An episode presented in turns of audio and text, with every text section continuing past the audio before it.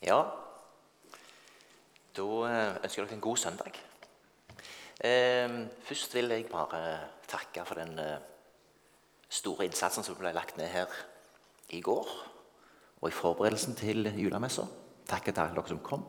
Takk til dere som har vært med i, i tjeneste. Eh,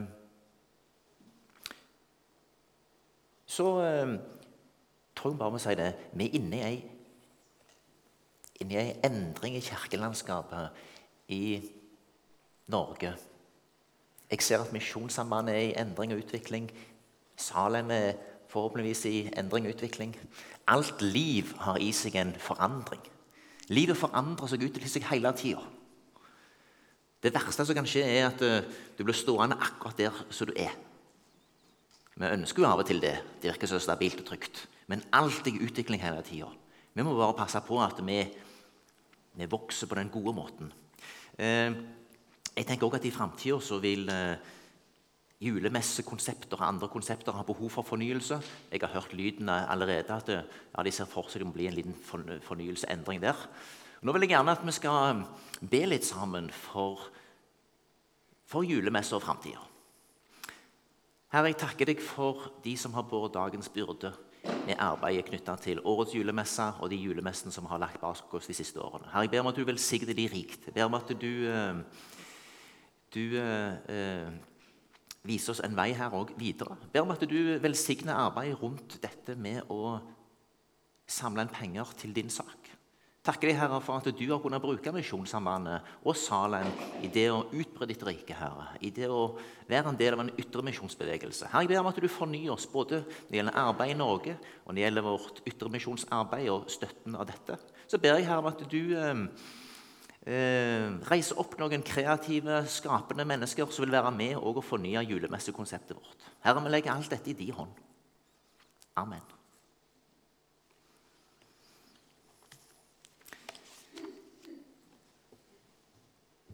Vi ber klokkerbønner sammen. Herre, jeg er kommet inn i dette ditt hellige hus for å høre hva du, Gud Fader, min skaper, du, Herre Jesus, min frelser, du, Hellige Ånd, min trøster i liv og død, vil tale til meg. Herre, lukne opp mitt hjerte ved Din Hellige Ånd, så jeg av ditt ord kan lære å sørge over mine synder og tro i liv og død på Jesus og fornyes dag for dag til et hellig liv.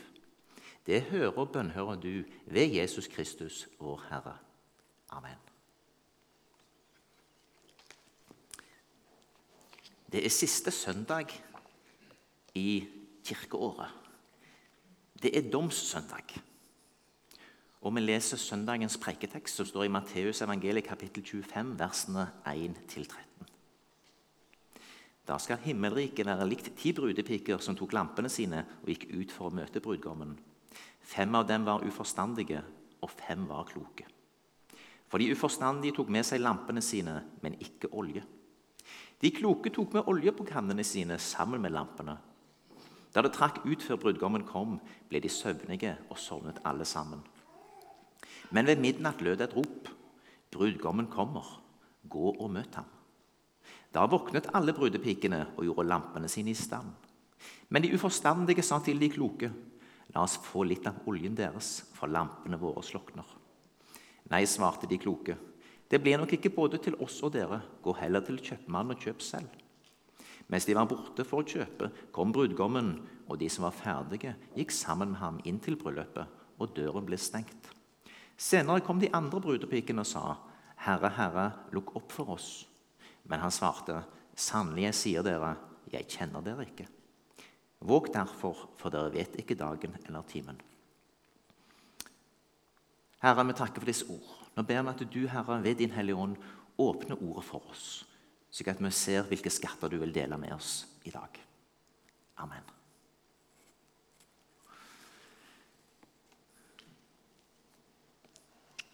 Vi mennesker liker mysterier. Det ser vi jo på hva som er populært på TV. Jeg ser veldig lite TV. Eh, men jeg får jo med meg at det foregår noe som heter f.eks. Maskorama.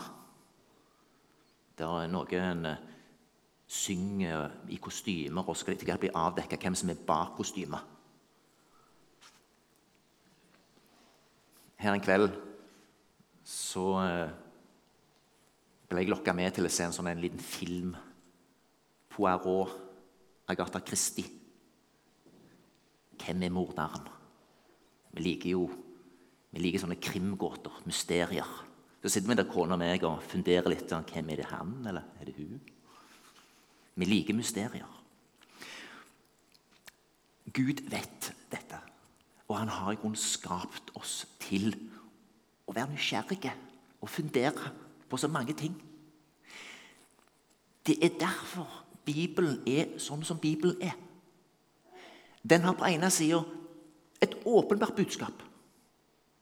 Og Samtidig er det en veldig dybder i det, som gjør at når du leser dette ordet, så kan du skrelle lag på lag, og så finner du stadig nye skatter. Det er stadig nye mysterier å avsløre. Det er jo en av de virkelig spennende ting med å være en bibelleser. Å kunne stadig se inn i nye mysterier som Bibelen eh, deler med oss. Om livet, om oss sjøl, om Gud og hans plan.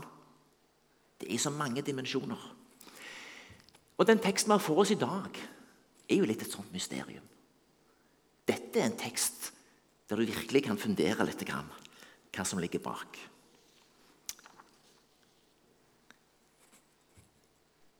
Ti brudepiker gikk ut for å møte brudgommen. Det var ti som var på vei, alle sammen for å møte brudgommen.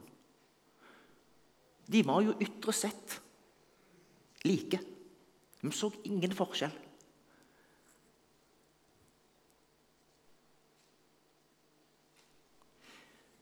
Og eh, det er også sånn, da, at de kloke her de kunne ikke dele det de hadde. Det var de veldig bevisst på. Jeg har av og til brukt denne teksten i forhold til at vi kunne sette litt grenser for seg sjøl. Det er en tekst som viser at det, det, går an å si nei. Nei, dette kan jeg ikke dele. Jeg har bare nok. Vi har bare nok til oss sjøl. I enkelte sammenhenger så skal du liksom sette noen grenser. Nei. Nå er jeg her. Beklager, jeg må si nei. Men det er tydelig at de kloke her de er seg veldig bevisst at det de har, denne oljen på lampen, den eh, den kan de ikke dele. Og så er det jo sånn at det er et alvor her i at det, på utsida er det så likt. Men så er det allikevel en stor forskjell.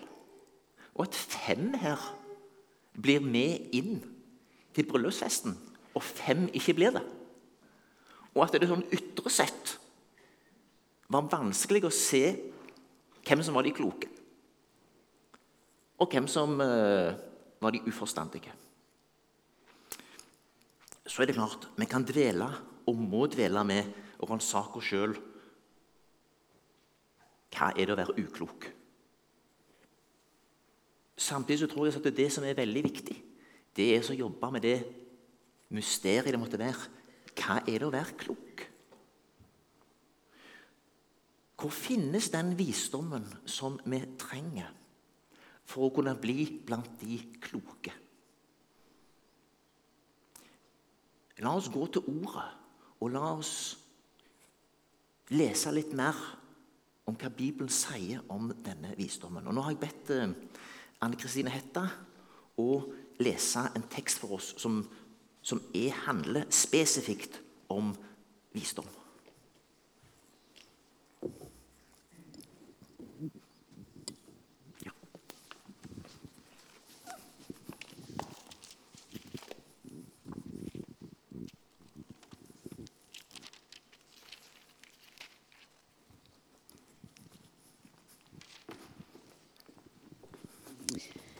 I ordspråkene.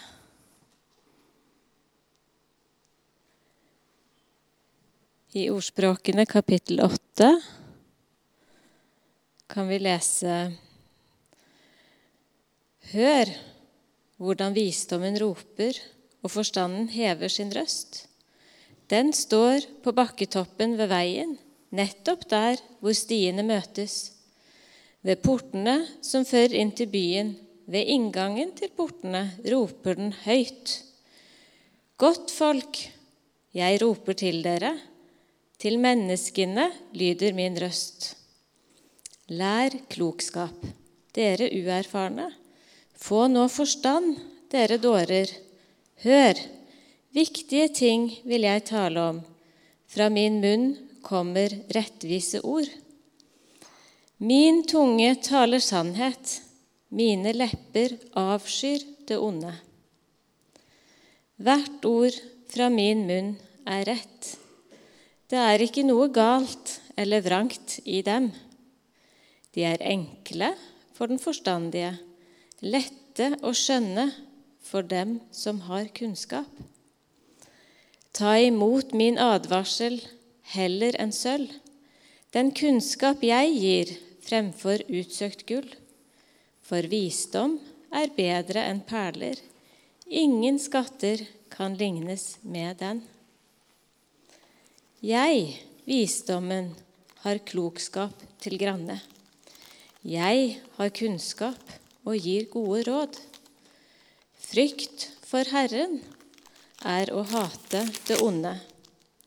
Jeg hater hovmod og stolthet, dårlig atferd og løgnaktig tale. Jeg gir råd og hjelp til fremgang.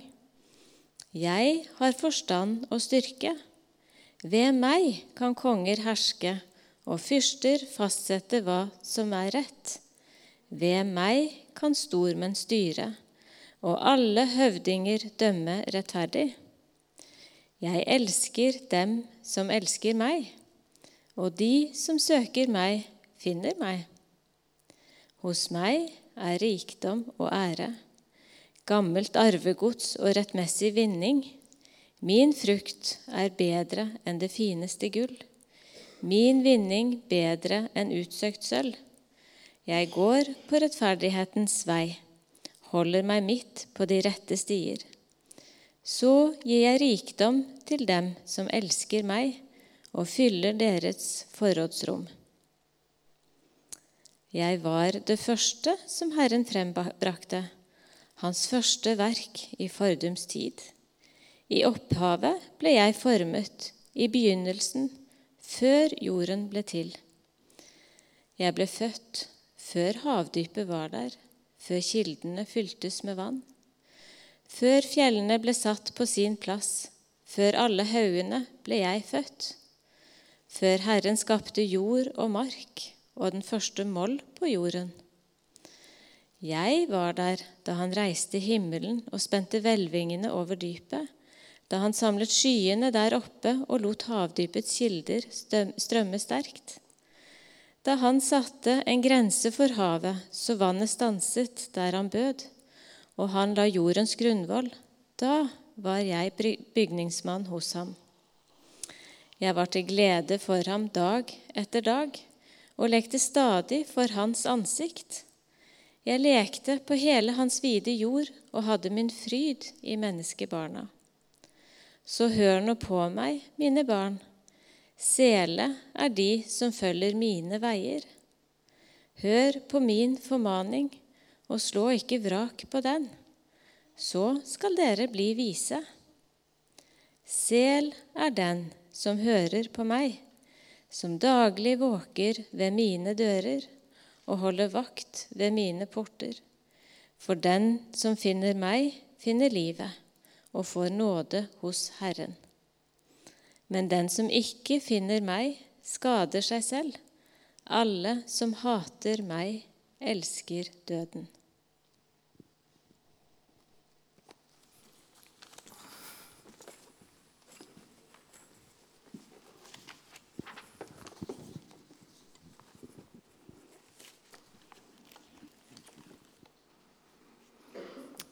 Takk, Anne Kristine. Det som er veldig spennende i denne teksten, det er jo at det er jo kong Salomo som på ene siden har skrevet om visdommen. Men Gud har lagt ned noen profetiske ord i Salomos sin munn, i det han har skrevet ned, som peker både bakover og framover.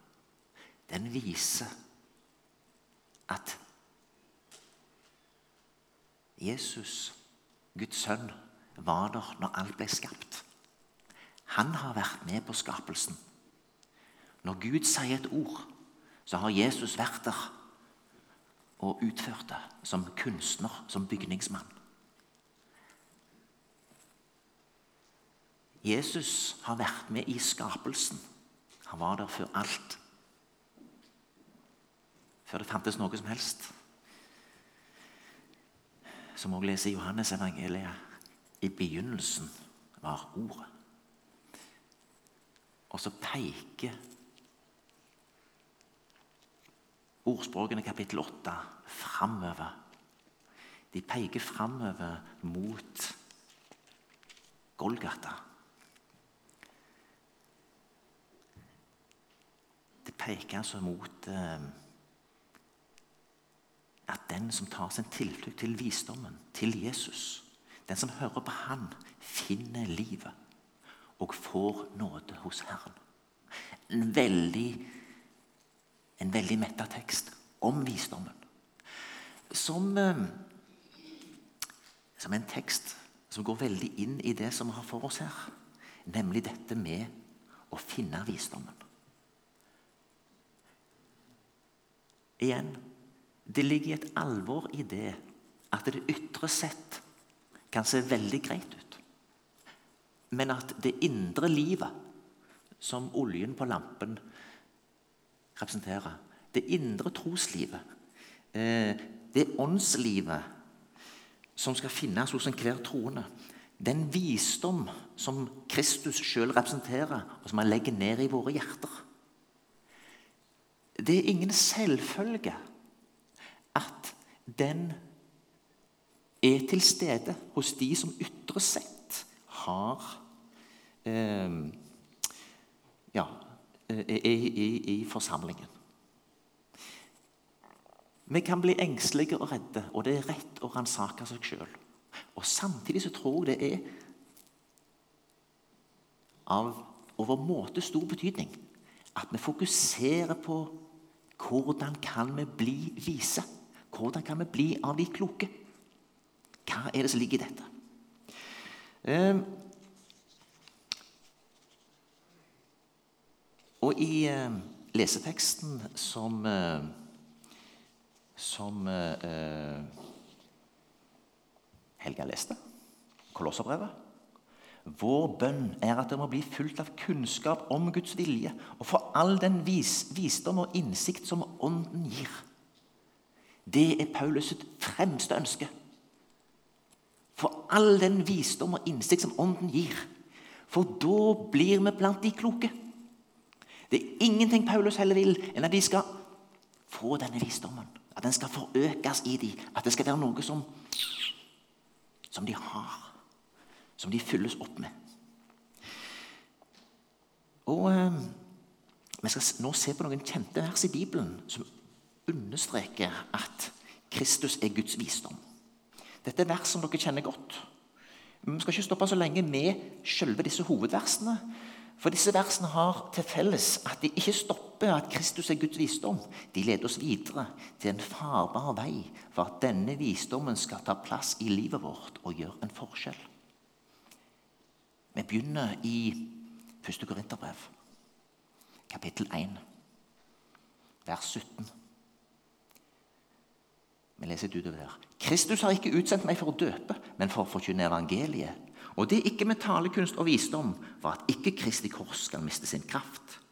For ordet om korset er dårskap for den som går fortapt, men for oss som blir frelst, er det Guds kraft.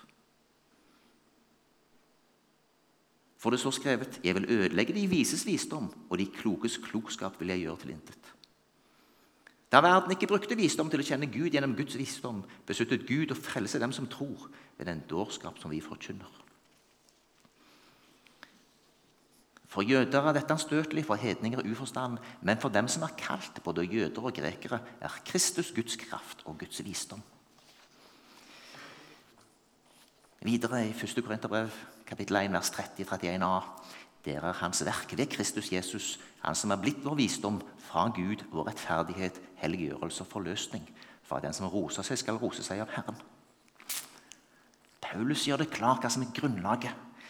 Guds visdom, det er Kristus. Det har vi, det har vi sett både i ordspråkene kapittel 8 og vi ser det i 1. Korinterbrev kapittel 1. Og så går Paulus videre. I 1. Korinterbrev kapittel 2 vers 12 sier han Vi har ikke fått verdens ånd, men den ånd som er fra Gud, for at vi skal forstå hva Gud i sin nåde har gitt oss. Den hellige ånd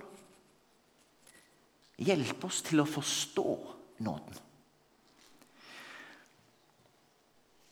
Og videre så leser vi i Romerbrevet om at Den hellige ånd må få plass i vårt liv for å erstatte vårt naturlige menneske med noe bedre.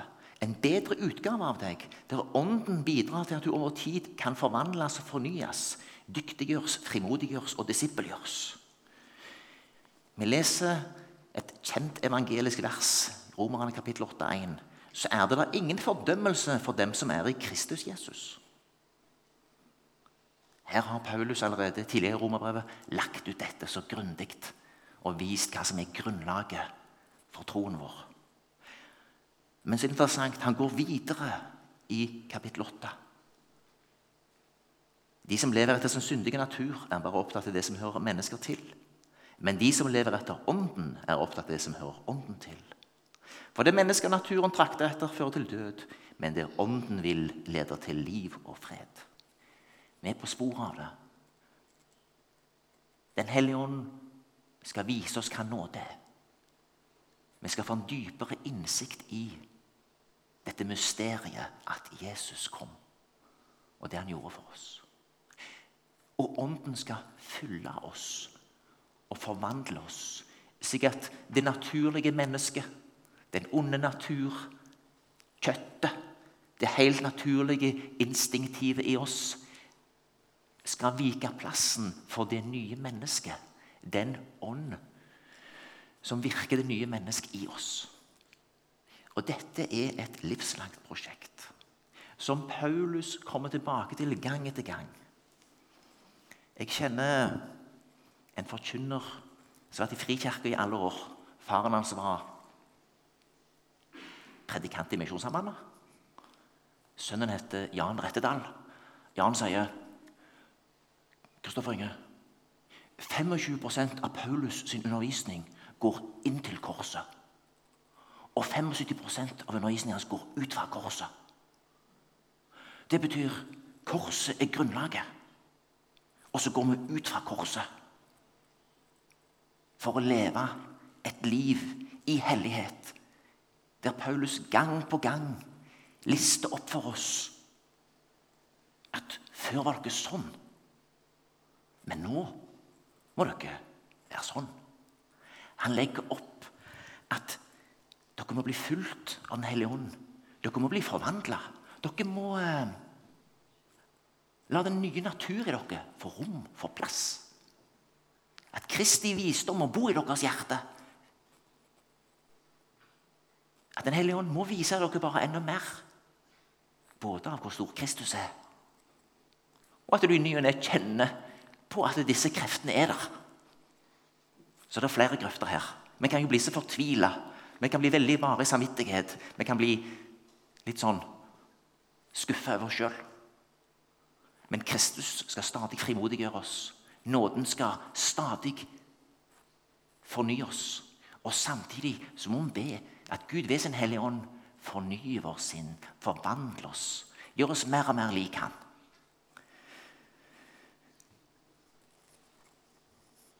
Videre i Romerbrevet 8. Men dere er ikke den syndige natur. Dere er i ånden, så sant Guds ånd bor i dere. Derfor brødre, skylder vi ikke den onde natur noe, så vi skulle leve etter den. For hvis dere lever etter den, må dere dø. Men hvis dere ved ånden dreper kroppens onde gjerninger, skal dere leve. Alle som drives av Guds ånd, de er Guds barn. Hvordan dreper vi kroppens onde gjerninger? Ja, det kan være med å bekjenne synd. Kan være å søke Gud i bønnen, ordet, fellesskapet, nattverden. Kan være, å være ærlig, fortelle Gud og mennesker om hvordan du opplever det akkurat nå. Og begynne der. Ikke i et ideal, men i en smått rusten virkelighet. To av de største heltene i Bibelen, kong David og disippelen Peter, måtte gå veien om dyp erkjennelse av egne feil for at Gud skulle kunne bruke dem videre. Å bli kjent med seg sjøl er en god ting. Vi hadde Kjell Aanensen på besøk her i fjor. Kjell har drevet mye med noe som heter Teleios. Teleios-kurs. De har jeg veldig tro på.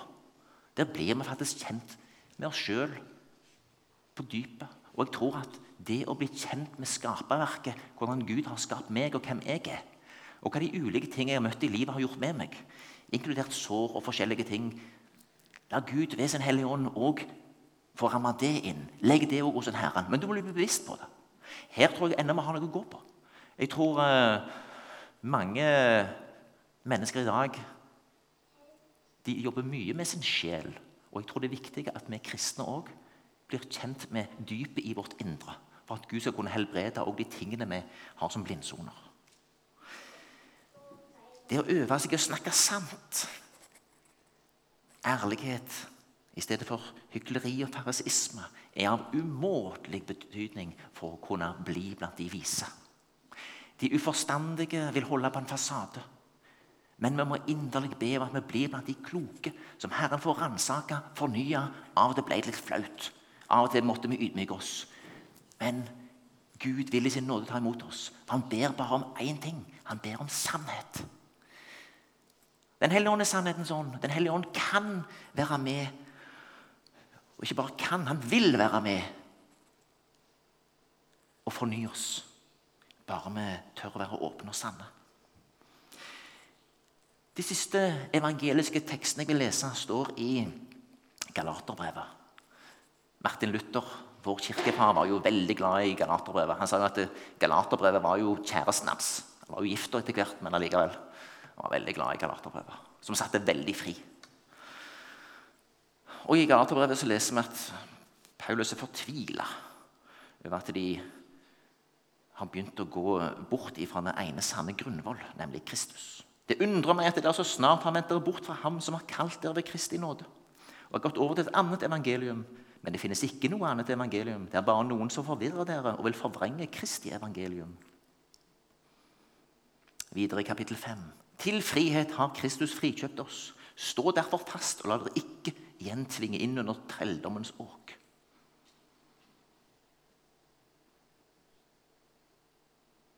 I Kristus kommer det ikke an på om en er omskåret eller uomskåret. Her gjelder bare tro, virksom i kjærlighet. Han gjør det så tydelig for dem at det, ah, når dere begynner å lene dere på omskjærelsen, ja, så vil ikke Kristus gagne dere. For nå kommer dere med noe tillegg.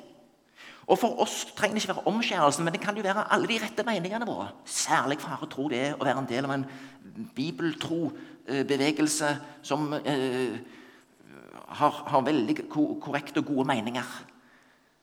Det var en sånn en karikaturtegning for mange år siden der noen, eh, en sa at eh, det er så mye rart i verden, så jeg for min del har funnet det best å holde meg til Kinamisjonen.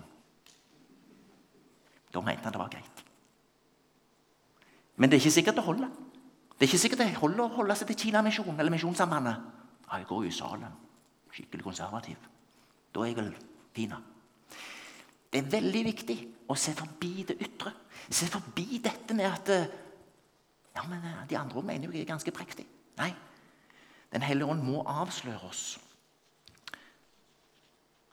Men vi må få hvile i Kristus. Og det er Paulus veldig opptatt av.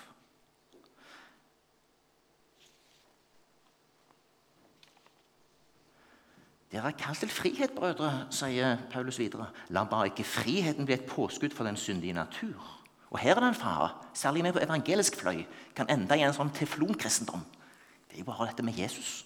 Punktum. Så jogger jeg videre. Jeg greier ikke å finne en disippelgjørende vei videre i livet mitt. Da bare styrer jeg på med jobb på de andre tingene. Det forstår jeg noe på. Men det er av overmåte stor betydning at det åndslivet som Gud har lagt ned i oss ved sin Hellige Ånd, får lov til å utvikle seg. Og Her er jo da Paulus klinkende klar etter å ha malt Kristus for øynene deres. Så er Paulus opptatt av at de må leve et liv i ånden. Og Det er fascinerende å se at både i Korinterbrevet, i Romerbrevet kapittel 8 og i Galaterbrevet etter hvert så er Paulus veldig opptatt av at etter å ha tydeliggjort grunnvollen i Kristus, så er han veldig opptatt av å formidle livet i ånden og den forvandling som eh, ånden virker. Kapittel, eh, vers 17 i kapittel 5 i Galaterbrevet. Vi tar 16 først. Jeg sier dere, lev et liv i ånden. Da følger dere ikke begjæret i vår syndige natur. Videre fra 17. For vår onde natur står med sitt begjær ånden imot, og ånden står imot vår onde natur. De to ligger i strid, slik at de ikke er i stand til å gjøre det dere vil. Blir dere drevet av ånden, da er dere ikke under loven. Det er klart hva det som kommer fra vår onde natur. Hor, umoral, utskeielser, avgudsdyrkelser og trolldom, fiendskap, strid, rivalisering, sinne, selvhevdelse, stridigheter og partier. Og misunnelse, full festing og mer av samme slag. Som jeg har sagt før, de som gjør slikt, skal ikke arve Guds rike.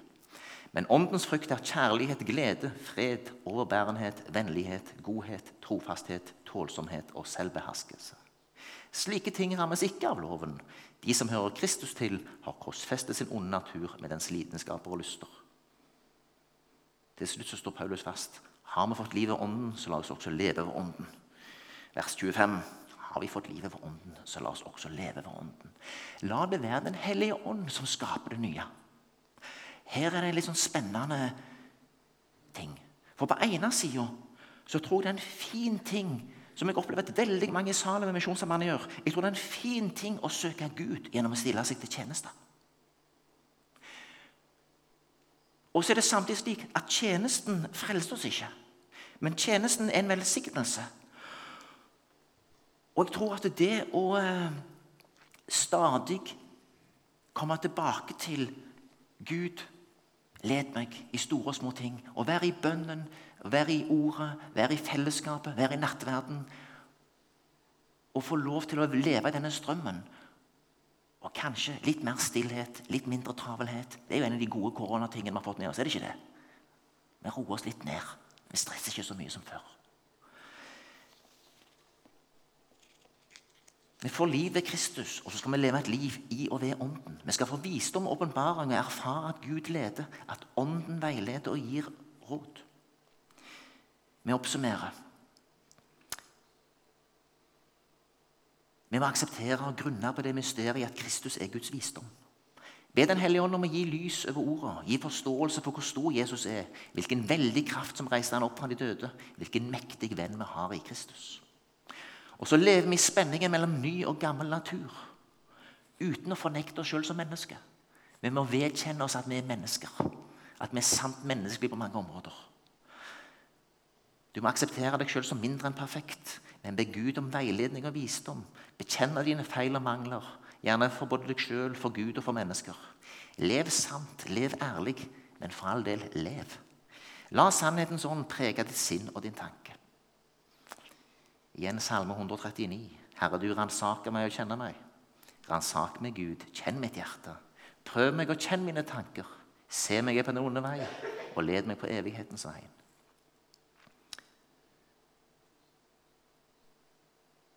La oss leve tett nok på menneskene til å kunne være til hjelp. Se deres behov, være en venn. La oss vise barmhjertighet og ha gode gjerninger for øye. La oss ha en gudsrelasjon som er levende, frimodiggjort ved Kristus og ledet ved Ånden. Og la dette åndslivet få lov til å utvikle seg. Og vær deg bevisst at det er i spenningen her visdommen ligger.